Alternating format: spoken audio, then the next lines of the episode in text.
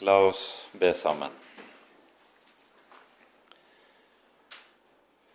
Kjære gode Herre og Hellige Far.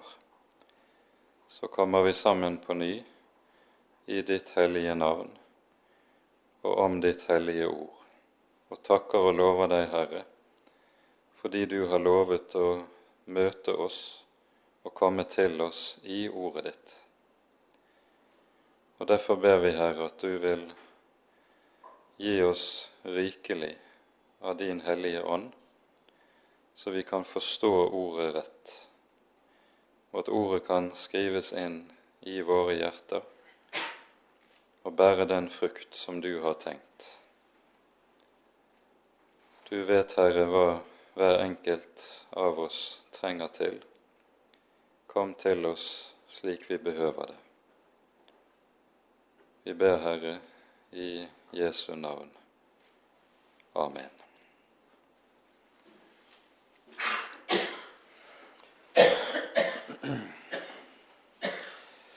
Det er altså sånn at vi eh, tar for oss det siste, siste halvdelen av kapittel 6 eh, i kveld. Det vil si at vi leser avsnittet som begynner med vers 11 i det sjette kapittelet i andre Korinterbrev. Og avsnittet slutter naturlig med det første verset i det syvende kapittelet. De som uh, i sin tid sto for kapittelinndelingen, de har helt tydelig sett litt skjevt når de uh, inndelte kapitlene slik her. Uh, det første verset i kapittel syv hører helt klart sammen med eh, avsnittet som går foran i det sjette kapittel. Så vi leser nå fra vers 11 til og med 7.1 i Jesu navn. Vi har talt åpent ut til dere korintere.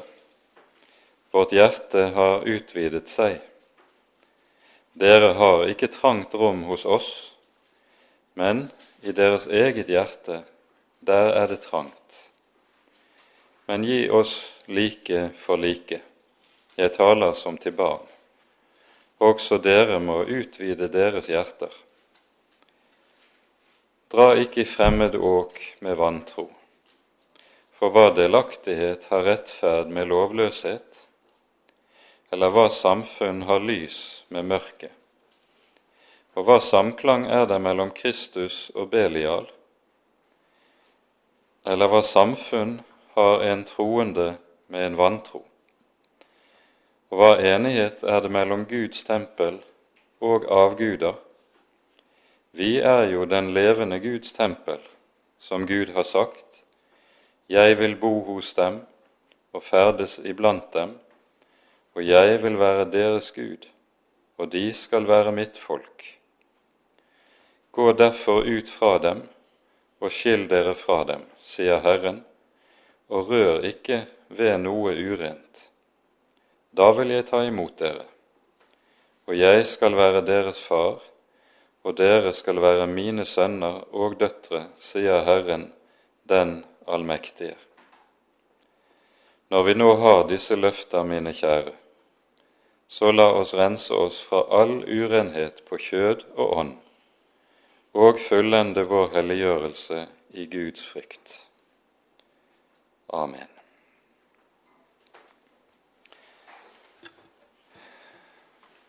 Det er slik at uh, også dette avsnittet som vi her har lest, uh, inngår i den store helhetssammenhengen i uh, andre Korinterbrev, der Paulus taler om forholdet mellom seg selv og menigheten, og i den sammenheng underviser om hva apostolatet, hans egen tjeneste som apostel, innebærer.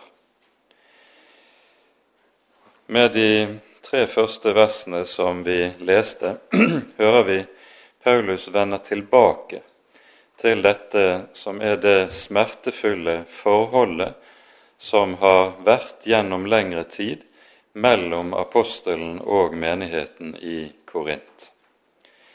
Inspirert av eh, omreisende predikanter som står Paulus budskap og Paulus' apostolat imot, har menigheten etter hvert kommet på avstand fra Paulus, som vi har hørt det i, tidligere i Korinterbrevet. De både baktaler Paulus, de tviler om hans sendelse fra Gud, og de mener at hans opptreden i, slik han fremtrer i sin forkynnelse og i sin tjeneste, vitner om at han slett ikke er noen Herrens apostel. Hvis han var en Herrens apostel, så ville han slett ikke være så mye plaget av ulike slags uh, lidelser, smerte, motgang og annet som uh, Paulus vitterlig er preget av. Tvert om tenker tydeligvis disse som baktaler Paulus, på en måte som innebærer at hvis han virkelig var Herrens apostel, da skulle det la seg demonstrere gjennom at han eh, så å si gikk frem fra seier til seier, og slett ikke måtte smake lidelse og motgang på den måten som han gjorde det. På denne måten så ser vi at disse som baktaler Paulus, de eh, ligner en god del på det vi i dag kaller for eh, herlighetsteologer, eh, som nettopp forkynner et slikt budskap om medgang og eh, frihet fra lidelse som noe som skal være det normale for en kristen, og ikke minst en kristig apostel og tjener. Og Da er det Paulus i motsetning til dette henter frem det som vi leste i forrige avsnitt, der han taler om all den lidelse han har måttet utstå i eh, sin tjeneste for Herren Jesus. Og i Paulus' øyne så er jo dette slik at her bærer han korset sammen med Jesus. Jesus har uttrykkelig sagt at 'den som ikke tar sitt kors opp og følger etter meg, han er meg ikke verd'. Og Jesus hadde også sagt, som vi hører det i Johannesevangeliet, 'En tjener er ikke større enn sin Herre'. Har de forfulgt meg, skal de også forfølge dere. Og Derfor må Herrens apostler smake nøyaktig det samme som Herren Jesus måtte oppleve fra denne verden. Motstand, trengsel og slett ikke popularitet og medgang. Men korinterne har altså eh, lånt øre til disse baktalerne. De har fått inngang i menigheten, og som har ført til at de har kommet på avstand fra apostelen, som jo vitterlig er deres åndelige far. Det er et uh, uttrykk han kommer tilbake til ved flere anledninger, både i første og andre korinterbrev. Han er deres åndelige far. For ved evangeliet har han født dem som sine ektefødte barn i Kristus. Det er uttrykk som han anvender i det fjerde kapittelet i første korinterbrev. Og Derfor er det nå han vender tilbake til det som vi hører fra vers 11 til 13. Vi har talt åpent ut til dere. I eh, en dansk oversettelse så det, oversettes det slik Vi har tatt bladet fra munnen. Vi kunne godt si det slik Paulus har talt rett fra leveren. Ehm, men det betyr ikke i Paulus' øyne at eh, korinterne har liten plass i Paulus' hjerte. Det er tvert om motsatt, slik som uh, saken er. I ordspråksboken står det sånn i det 27. kapittel. Trofaste er vennens slag, troløse er fiendens kyss. Og Med dette så pekes det på noe sentralt det hos den som er en rett forkynner og hyrde for Guds folk. Han klapper ikke bare folk på skuldrene og sier uh, 'alt vel'. Han slikker ikke folk opp etter ryggen, som vi av og til sier det i litt mer profan språk. Men han taler også det som kan være skarpt, som kan være ubehagelig for tilhørerne. For det er nødvendig for dem. Og Her skal vi kanskje minne om et ord i Titus brev i det første kapittelet, som er vel verd å notere seg når det gjelder akkurat dette som Paulus her er inne på.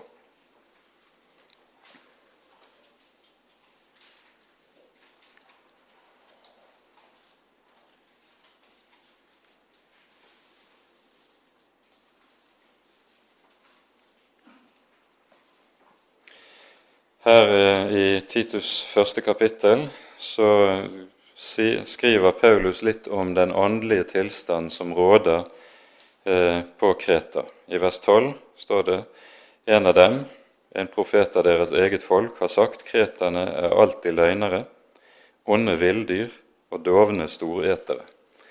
Det er jo litt av en attest. Men så kommer det i verset etterpå. Dette vitnesbyrdet er sant. Derfor skal du tale dem strengt til rette for at de kan bli sunne i troen. Legg merke til den setningen der. Du skal tale dem strengt til rette for at de skal bli sunne i troen. Det er altså slik at en forkynnelse som er av den sorten at det bare klapper folk på ryggen for å slippe ubehag, det vil ikke føre til sunnhet i troen.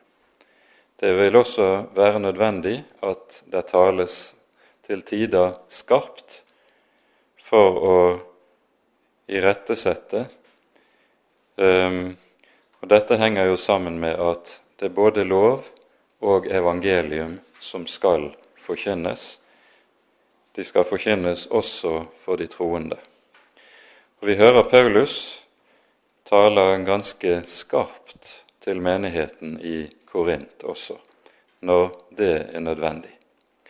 Og Nettopp det at Paulus tidvis har talt skarpt til korinterne, har ført til at de har tenkt som så at dette innebærer dette tegn på at Paulus egentlig ikke nærer noen kjærlighet til oss. Det han skriver i disse versene her, det er altså det motsatte.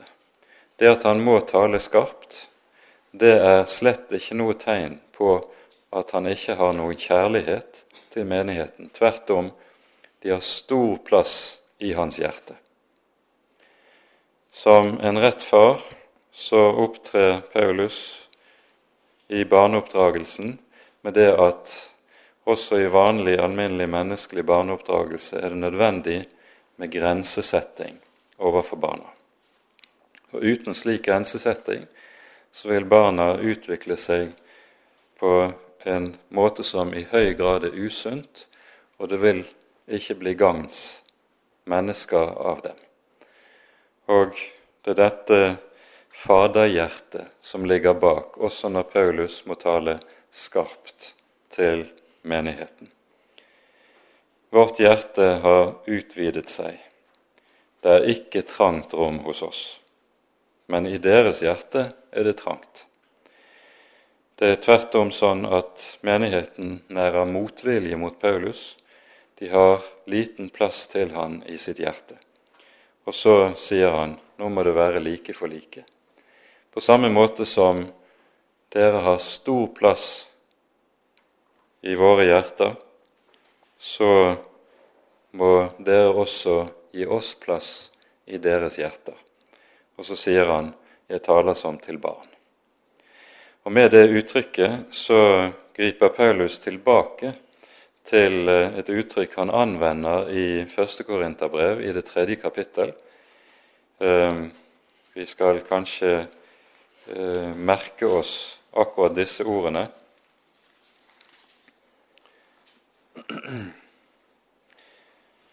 Der skriver Paulus i begynnelsen av kapittel 3 følgende.: Og jeg, brødre, kunne ikke tale til dere som til åndelige, men bare som til kjødelige, som til småbarn i Kristus.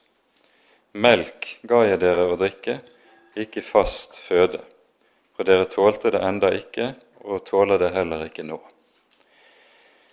Korinterne er preget av en åndelig umodenhet som gjør at Paulus må tale til dem like som til barn. Og Derfor er det også sånn at de ikke alltid er i stand til å dømme rett om de ulike forhold. De har en meget svakt utviklet åndelig dømmekraft som nettopp henger sammen med denne manglende åndelige modighet, modenhet som preger menigheten i Korint. Og Så hører vi 'Jeg taler til dere som til barn'.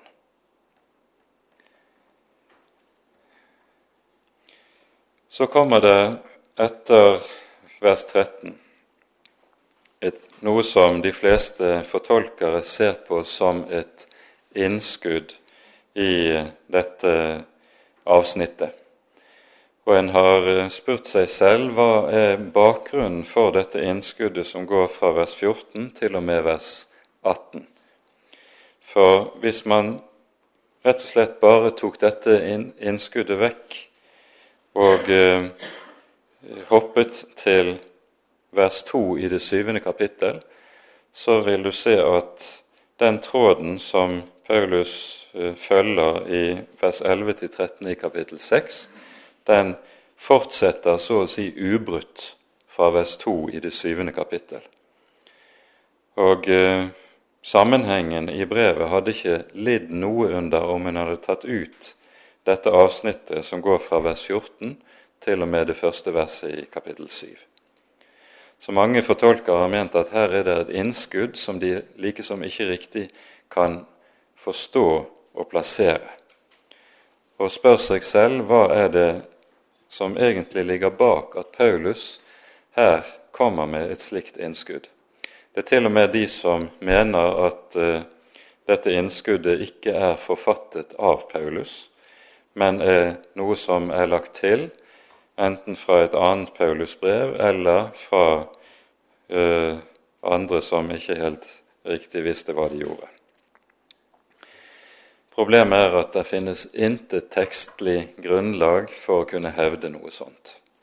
Alle eh, avskrifter vi har av andre korinterbrev, har denne sammenhengen. Og det innebærer at vi tvinges til av tekstvitnesbyrdet å tenke slik at dette er slik Paulus har skrevet opprinnelig.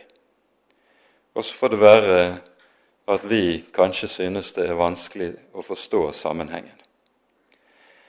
For egen del så tror jeg at det er en dyp indre sammenheng i teksten her.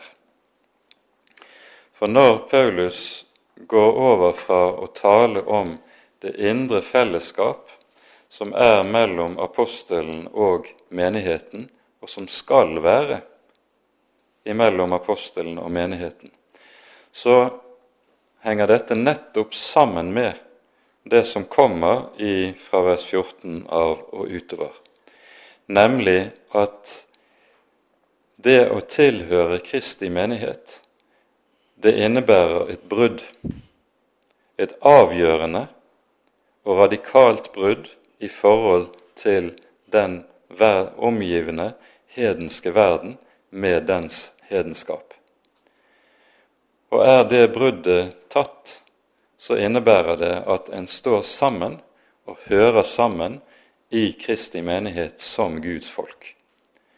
Og da vil det være dypt unormalt, dypt unaturlig og i strid med det som er den kristne menighets vesen, at det ikke er dette, denne samhørighet og dette fellesskap mellom de troende i menigheten, mellom menigheten og Herrens apostel, som det jo skal være. Dra ikke i fremmed åk med vantro. Det er så å si den grunnleggende formaning som står som overskrift over avsnittet som nå kommer. Um, og så pekes det på det bruddet som er. Det som kommer fra vers 14 og til eh, vers 16, er fem retoriske spørsmål som setter opp den radikale motsetning, et radikalt enten-eller, overfor menigheten.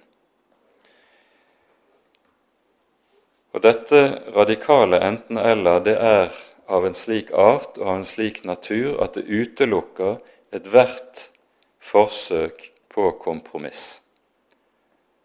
Det er avgjørende å være klar over. Når vi leser eh, ganske særlig Korinterbrevene, så er det disse to brevene forholdet til avgudsdyrkelsen i omgivelsene tas opp. Vi hører ikke mye om uh, dette i de øvrige brevene i Det nye testamentet, men i første og andre korinterbrev der tas forholdet til avgudsdyrkelsen opp gjentatte ganger ved ulike anledninger. Og når det tas opp, så henger det sammen med den faren som avgudsdyrkelsen representerer for de troende. Avgudsdyrkelsen var i Romerriket noe som var fullstendig integrert, ikke bare i storsamfunnet som sådan, men også i alle sosiale forhold. For å ta noen par eksempler. Um, utenfor Korint så lå det en by, Istmia, som, hvor det ble arrangert idrettsleker. De var i rang, de andre, i forhold til de olympiske leker i eh, den antikke verden. Og de istmiske leker, det å delta der, var den aller største ære. Men når lekene skulle begynne, så begynte de med at eh, byens borgere, og da var det snakk om de som hadde romersk borgerrett i første omgang, de ble invitert til et svært felles måltid. Og i dette måltidet inngikk det ofring til gudene som var lekenes beskytter. Det innebærer at skulle du være med i disse idrettslekene, også høre med som tilskuer, så måtte du ofre til avgudene. Et annet eksempel. Ehm, de ulike typer håndverk det var i datiden organisert i form av håndverkslaug. Seilmakerne holdt til i ett laug, skomakerne i et annet laug, smedene i et tredje laug osv. Og, og skulle du kunne drive din handel, så måtte du være medlem av dette lauget. Problemet var at når laugene kom sammen, så hadde hvert laug sine særlige guder som var beskyttere for deres eget håndverk. Og så måtte det da ofres til disse gudene når en skulle drive sitt håndverk. Da er det ikke lett å være håndverker, for da er det plutselig ikke noe som er nøytralt lenger. Sånn kan vi liste opp. Ehm, det var ganske vanlig hvis du var innbudt i familieselskap, enten det var tale om bryllup eller begravelser, så ble det i forbindelse med åpningen av selskapet, åpningen av begravelsen, så ble det ofret til de ulike guder, og de innbudte gjester de måtte skåle til gudenes ære. Det å bli en kristen, det innebar at da kan du ikke være med på dette. Du kan ikke skåle til Afrodites eller til Poseidons ære. Du kan ikke være med i et offermåltid hvor kjøttet er slaktet og ofret til den og den gudens ære. Og Dette innebærer jo at de som ble troende, de ble tvunget til å bryte en del avgjørende sosiale forhold, nettopp på grunn av at det var vevet så tett sammen med datidens hedenskap. De kristne kom med andre ord til å bli stående utenfor.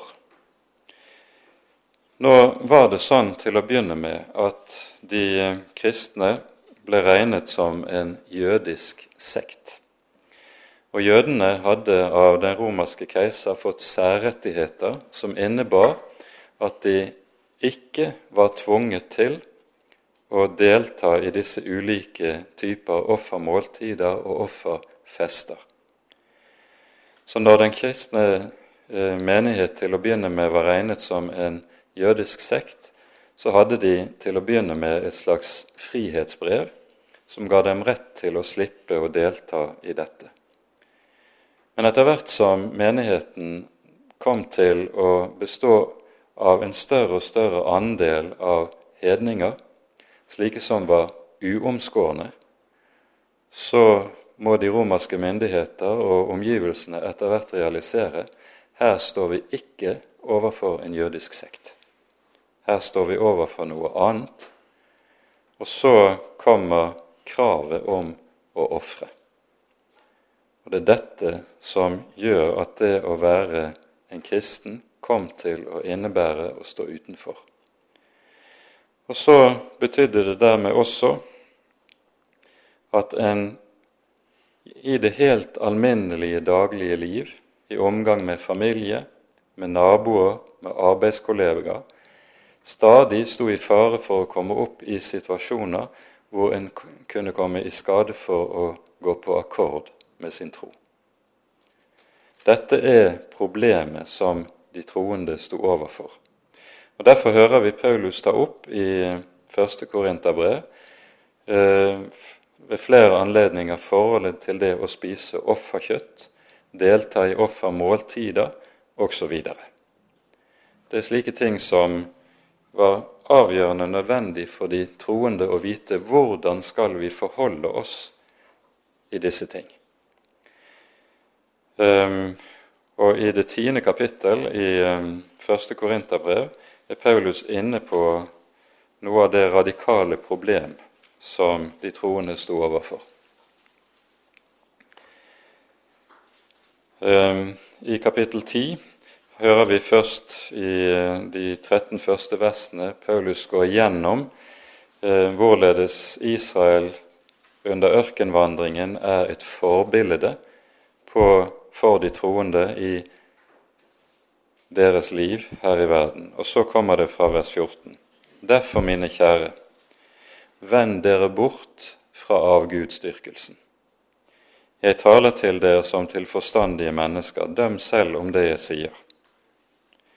Velsignelsens beger som vi velsigner, er det ikke samfunn med Kristi blod? Brødet som vi bryter, er det ikke samfunn med Kristi legeme? Fordi det er ett brød, er vi ett legeme, enda vi er mange, for vi er alle del i det ene brød. Se til Israel etter kjødet. Har ikke de som eter ofrene, samfunn med alteret? Hva vil jeg si med dette? At det er noe avgudsoffer til, eller at det er noen avgud til? Nei. Men at det som hedningene ofrer, det ofrer de til onde ånder. Men jeg vil ikke at dere skal komme i samfunn med onde ånder. Dere kan ikke drikke av Herrens beger og onde ånders beger. Dere kan ikke ha del i Herrens bord og i onde ånders bord. Eller tør vi egge Herren til nidkjærhet? Vi er vel ikke sterkere enn Han. Her møter vi igjen dette skarpe enten-eller som stilles opp i forhold til avgudsdyrkelsen. Og Det som Paulus her peker på, det er to grunnleggende sannheter når det gjelder hedenskapet, som eh, vi også hører i et par andre sammenhenger i første Korinterbrev.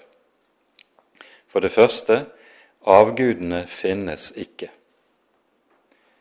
Det er jo slik i Det gamle testamentet at et av hovedbegrepene for avguder i Det gamle testamentet, det er et hebraisk ord som betyr intetheter. Det er noe som ikke eksisterer. Men det betyr ikke at avguderiet forholder seg til noe som bare er tomhet. Det som nemlig avguderiet representerer, det er en åndelig realitet der onde åndsmakter er virksomme. Og derfor er det så farlig å komme inn i den sammenhengen, fordi en da kommer inn under onde åndsmakters innflytelse. Det handler om det første bud. Så vi skjønner at dette som de troende står overfor i sin hverdag, det er noe som det er avgjørende nødvendig at Paulus gjør klart for dem.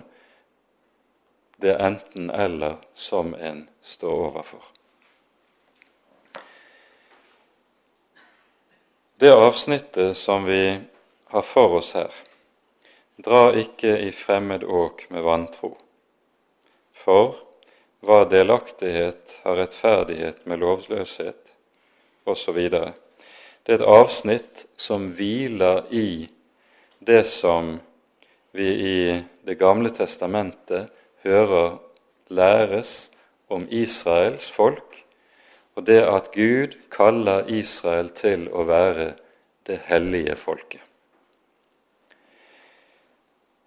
Den første setningen i vers 14 dra ikke i fremmed åk med vantro.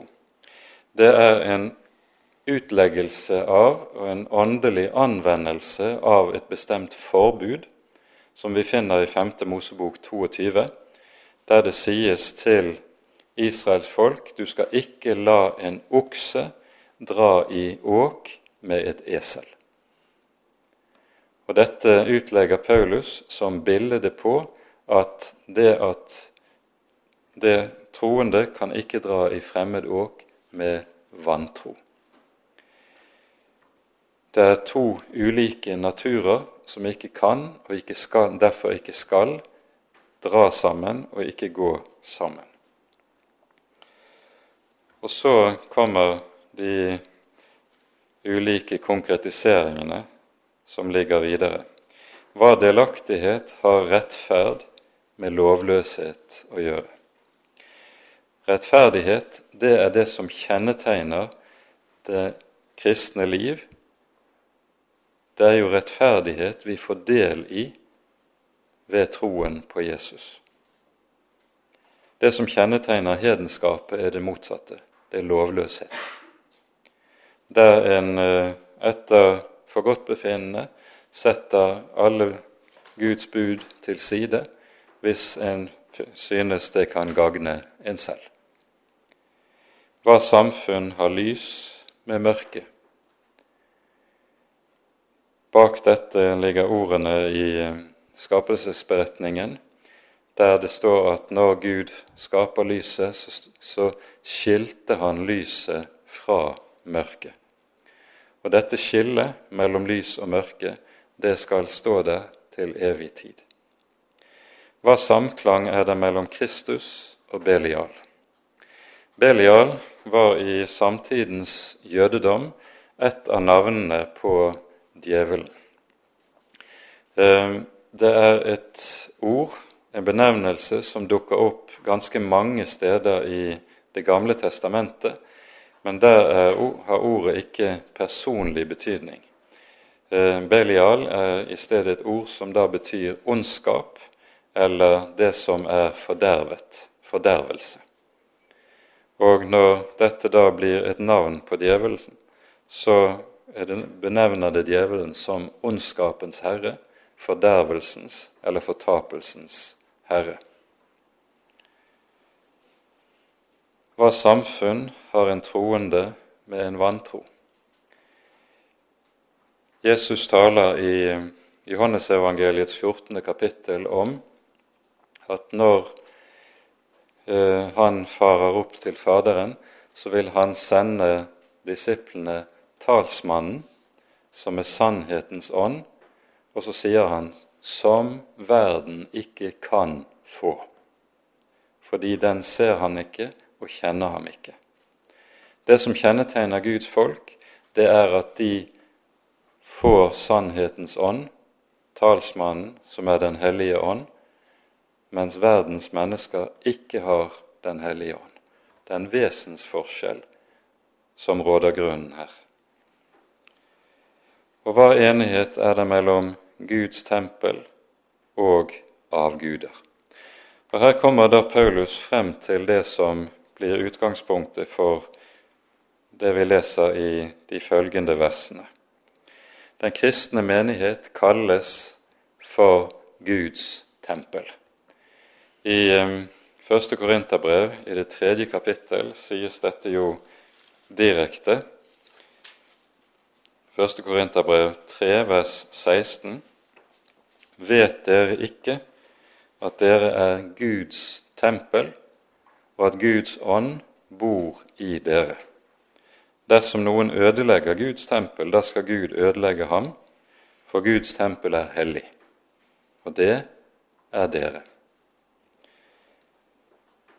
Ehm, denne sammenligningen mellom den kristne menighet og tempelet, det er et hovedbilde som vi finner hos Paulus. I Efeserbrevet tales det om hvorledes vi er bygget opp som et tempel på apostlenes og profetenes grunnvoll, mens hjørnesteinen er Kristus Jesus selv. Og Vi husker også hvordan Peter taler om at det å høre til Guds folk, det er å bli bygget opp som levende stener til et hellig tempel i Herren. Det er et bilde som anvendes gjennom Det nye testamentet på denne måten. Og det er da dette som er bakteppet for ordene som nå følger. Vi er jo den levende Guds tempel, som Gud har sagt. Jeg vil bo hos dem og ferdes iblant dem. Jeg vil være deres Gud, og de skal være mitt folk. Og De versene som nå følger, det er en rekke sitater som er hentet fra ulike sammenhenger i Det gamle testamentet. Paulus siterer dem ikke fullt ut enkeltvis, sånn at han skiller det enkelte sitat fra det andre. Men han gjør det sånn at han ganske kort siterer enkelte ord fra, eh, eller setninger fra enkeltvers og vever dem sammen til en ny helhet. Um, og det, Slik følger han uh, noe som var uh, et ideal i rabbinsk fortolkningstradisjon, når rabbinerne prekte, så var et av idealene det at de skulle kunne eh, så å si lenke de ulike bibelord sammen som perler på en snor. Og Det er nettopp det Paulus gjør i disse versene som vi her leser. Det som er grunnleggende å være klar over, det er at de første versene som vi hører her, de er nettopp knyttet til ordene om tabernaklet som skal reises, og som vi hører lovgivningen om i Andre Mosebok. Vi tar og blar tilbake til Andre Mosebok, kapittel 29.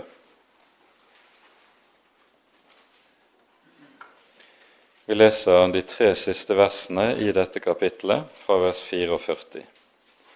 Jeg, sier Herren, vil hellige sammenkomstens telt og alteret, og Aron og hans sønner vil jeg hellige til å tjene meg som prester.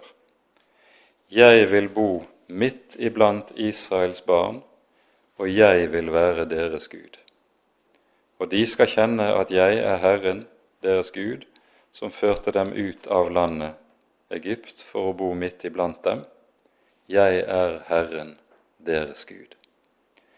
Her ser vi at Gud knytter løftet om sitt nærvær i Israels folk sammen med forordningene om tabernaklet eller tempelet, nemlig det sted der soningen foregår.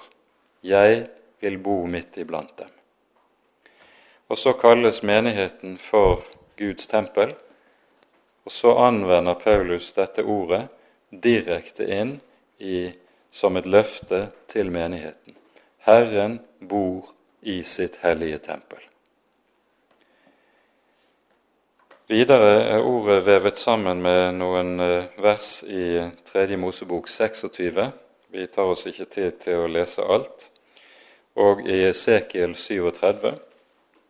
Og dernest, når vi kommer til vers 17, så siteres det fra Jesaja-boken 52. Eh, kapittel, der det er tale om, eh, eller profeteres om, befrielsen fra det babylonske fangenskap. Gå ut derfra, skill dere fra dem, og rør ikke ved noe urent. Det er altså slik at når Israel skal dra ut fra Babel, tilbake til det lovede land, og nasjonen skal gjenreises, så får de så å si samme eh, befaling som Lots hustru får. Når dere forlater Sodoma, så skal dere ikke se dere tilbake. Rør ikke ved noe urent. Det samme tankegangen som ligger i det vi her hører. Så vil jeg ta imot dere. Og Det som det dreier seg om hele tiden, er at det å høre Herren til, det betinger det radikale bruddet med hedenskapet. Og så gis det altså et løfte jeg skal være deres far, og dere skal være mine sønner og mine døtre, sier Herren den allmektige. Og Her dras det inn en kombinasjon av sitat fra 2. Samuel 7 og Jesaja-bokens 43. kapittel. Så Paulus henter likesom sam, eh, en rekke bibelvers og vever dem sammen til en helhet her i dette avsnittet, så du får denne veven som står der. Legg også merke til at i dette avsnittet, eh, fra 16 eh, til 18, så understrekes det tre ganger hvem det er som er det talende subjekt i Det gamle testamentet. I vers 16 så sies det som Gud har sagt.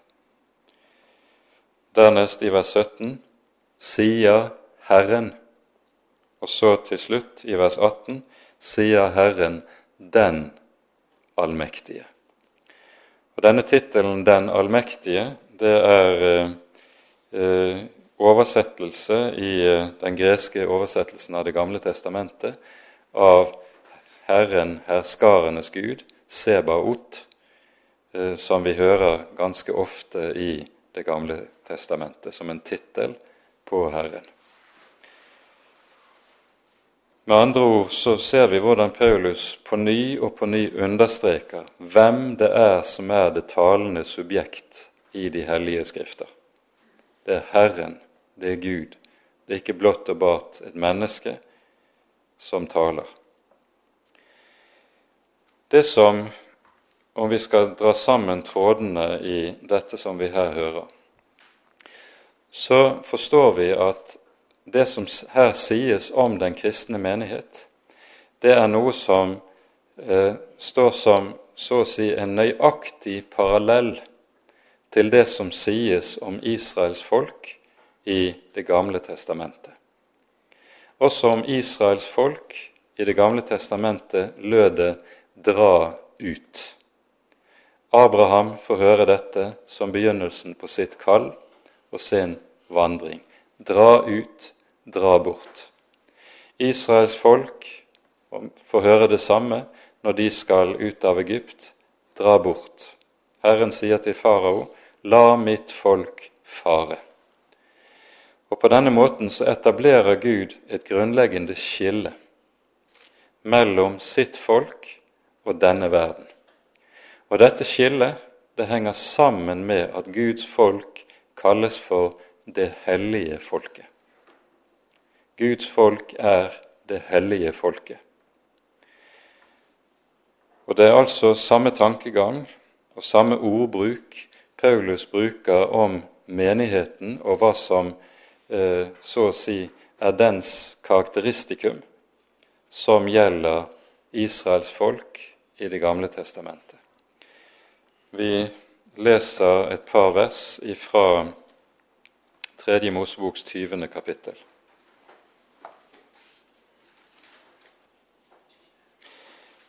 Ja, det holder at vi Vi kan lese vers 26 og 27 i Tredje Mosebok 20. Der sier Herren:" Dere skal være hellige for meg, for jeg Herren er hellig, og jeg har skilt dere ut fra folkene for at dere skal høre meg til. Når det i en mann eller en kvinne er en dødningemannerånd eller spådomsånd, da skal de dø. Og så markeres det med dette også et tilsvarende skille i forhold til noe av det som på avgjørende måte kjennetegnet hedenskapet. I Israels folk skulle den type forhold ikke finnes. Det har med bruddet på det første budet å gjøre. Går vi til femte Mosebok, så vil vi finne at det går et langt hovedavsnitt som strekker seg helt ifra det fjerde kapittel i femte Mosebok og ut til i hvert fall det trettende kapittel i femte Mosebok, som utelukkende handler om det første bud.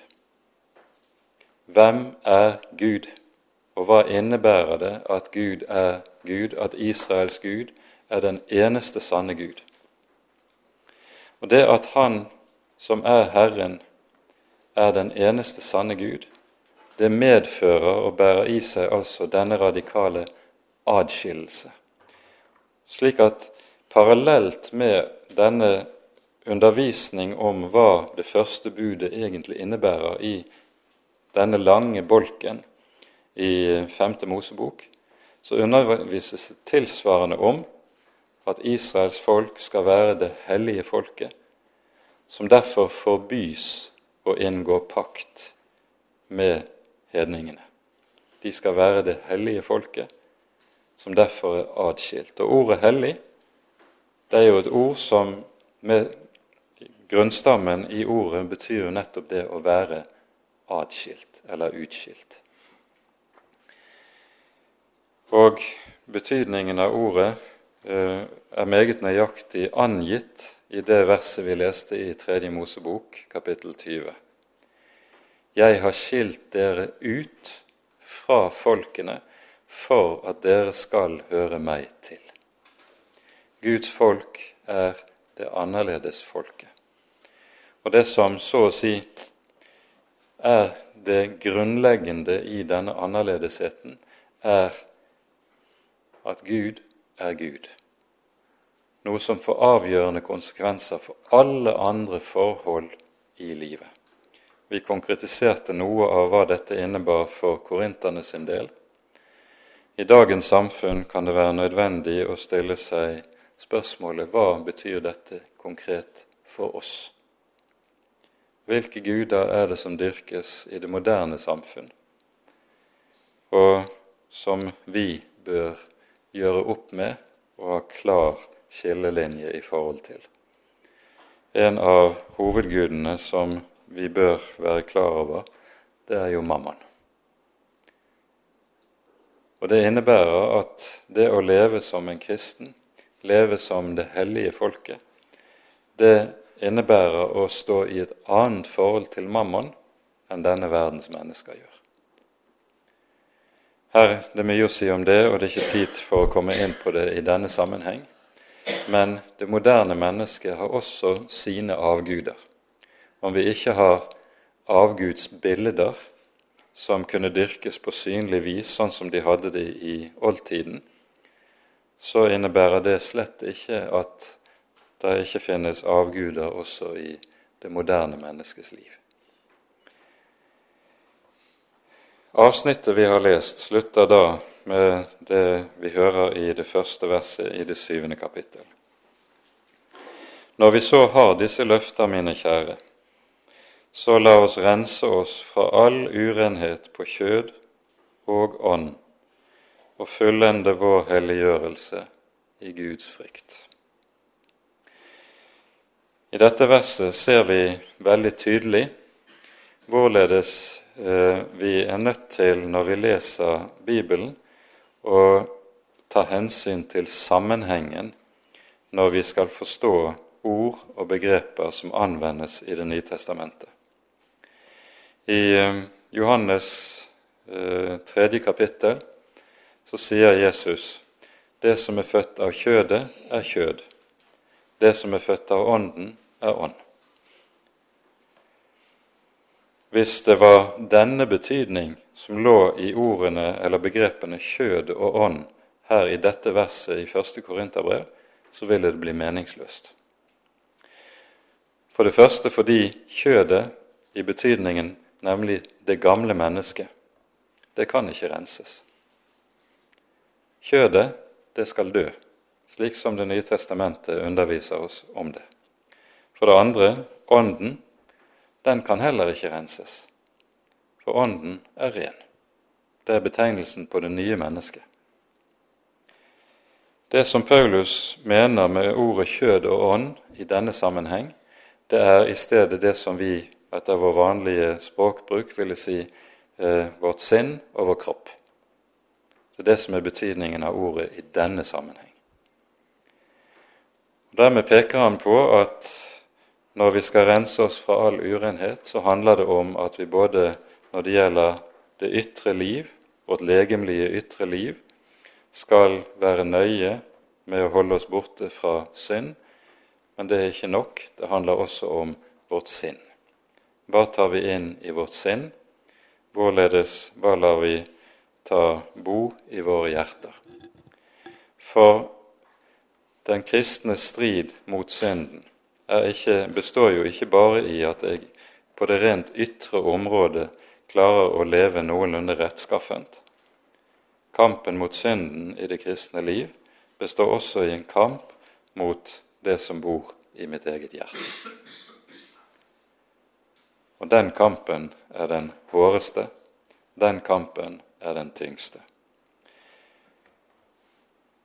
Det som Paulus taler om i dette vers verset, det er ikke rettferdiggjørelsen, men det er det vi kaller for helliggjørelsen. Det som vokser frem av det hjerte, det liv, som har fått del i rettferdigheten i Kristus. Vi kan godt sammenfatte det med ordene fra åpenbaringsbokens 22. kapittel, der det står La de hellige bli helliggjort. Det er bare de som er helliget ved troen på Jesus, som også kan helliggjøres i ordets bibelske forstand. Den som ikke er helliggjort ved troen på Jesus, han kan ikke helliggjøres. Han må bli omvendt, og han må bli frelst før han kan begynne på det som kalles for helliggjørelse. Og den som vil helliggjøre seg selv uten å være et frelst menneske, han ender ikke opp som noe annet enn å bli en fariseer. Så det Paulus altså taler om i dette verset, er det vi kaller for helliggjørelsen.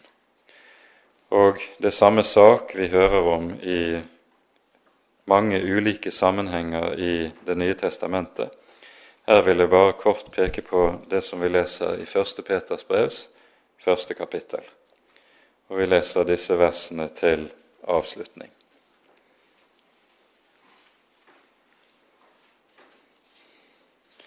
Vi leser fra vers 14 i 1. Peters brevs første kapittel. Som lydige barn må dere ikke skikke dere etter de lyster dere før hadde i deres uvitenhet, men vær etter den hellige som kalte dere, også dere hellige i all deres ferd. For det er skrevet:" dere skal være hellige, for jeg er hellig. Når dere påkaller som far han som dømmer uten å gjøre forskjell, enhver etter hans gjerninger, da ferdes i frykt i deres utlendighetstid. For dere vet at det ikke var med forgjengelige ting, med sølv eller gull, dere ble kjøpt fri fra den dårlige ferd som var arvet fra fedrene, men med Kristi dyrebare blod, som blodet av et feilfritt og lyteløst lam. Paulus' undervisning svarer nøyaktig til det vi her hører også i Peters brev. For legg merke til at når Peter taler om gudsfrykten, som vi hører det i vers 17, så kommer det etter i vers 18 et for. For dere vet. Gudsfryktens egentlige kilde, det er nettopp syndenes forlatelse, nåden vi får. Dere vet dere er dyrt kjøpt. Så er da Gud i deres legeme. Slik formulerer Paulus det i 1. Korinterbrev 6. kapittel. Det samme sak. Dere er Guds tempel. Lev da slik som det sømmer seg det hellige tempelet. Med det setter vi punktum for dagens bibeltime. Ære være Faderen og Sønnen og Den hellige ånd, som var og er og være skal, en sann Gud, høylovet i evighet. Amen.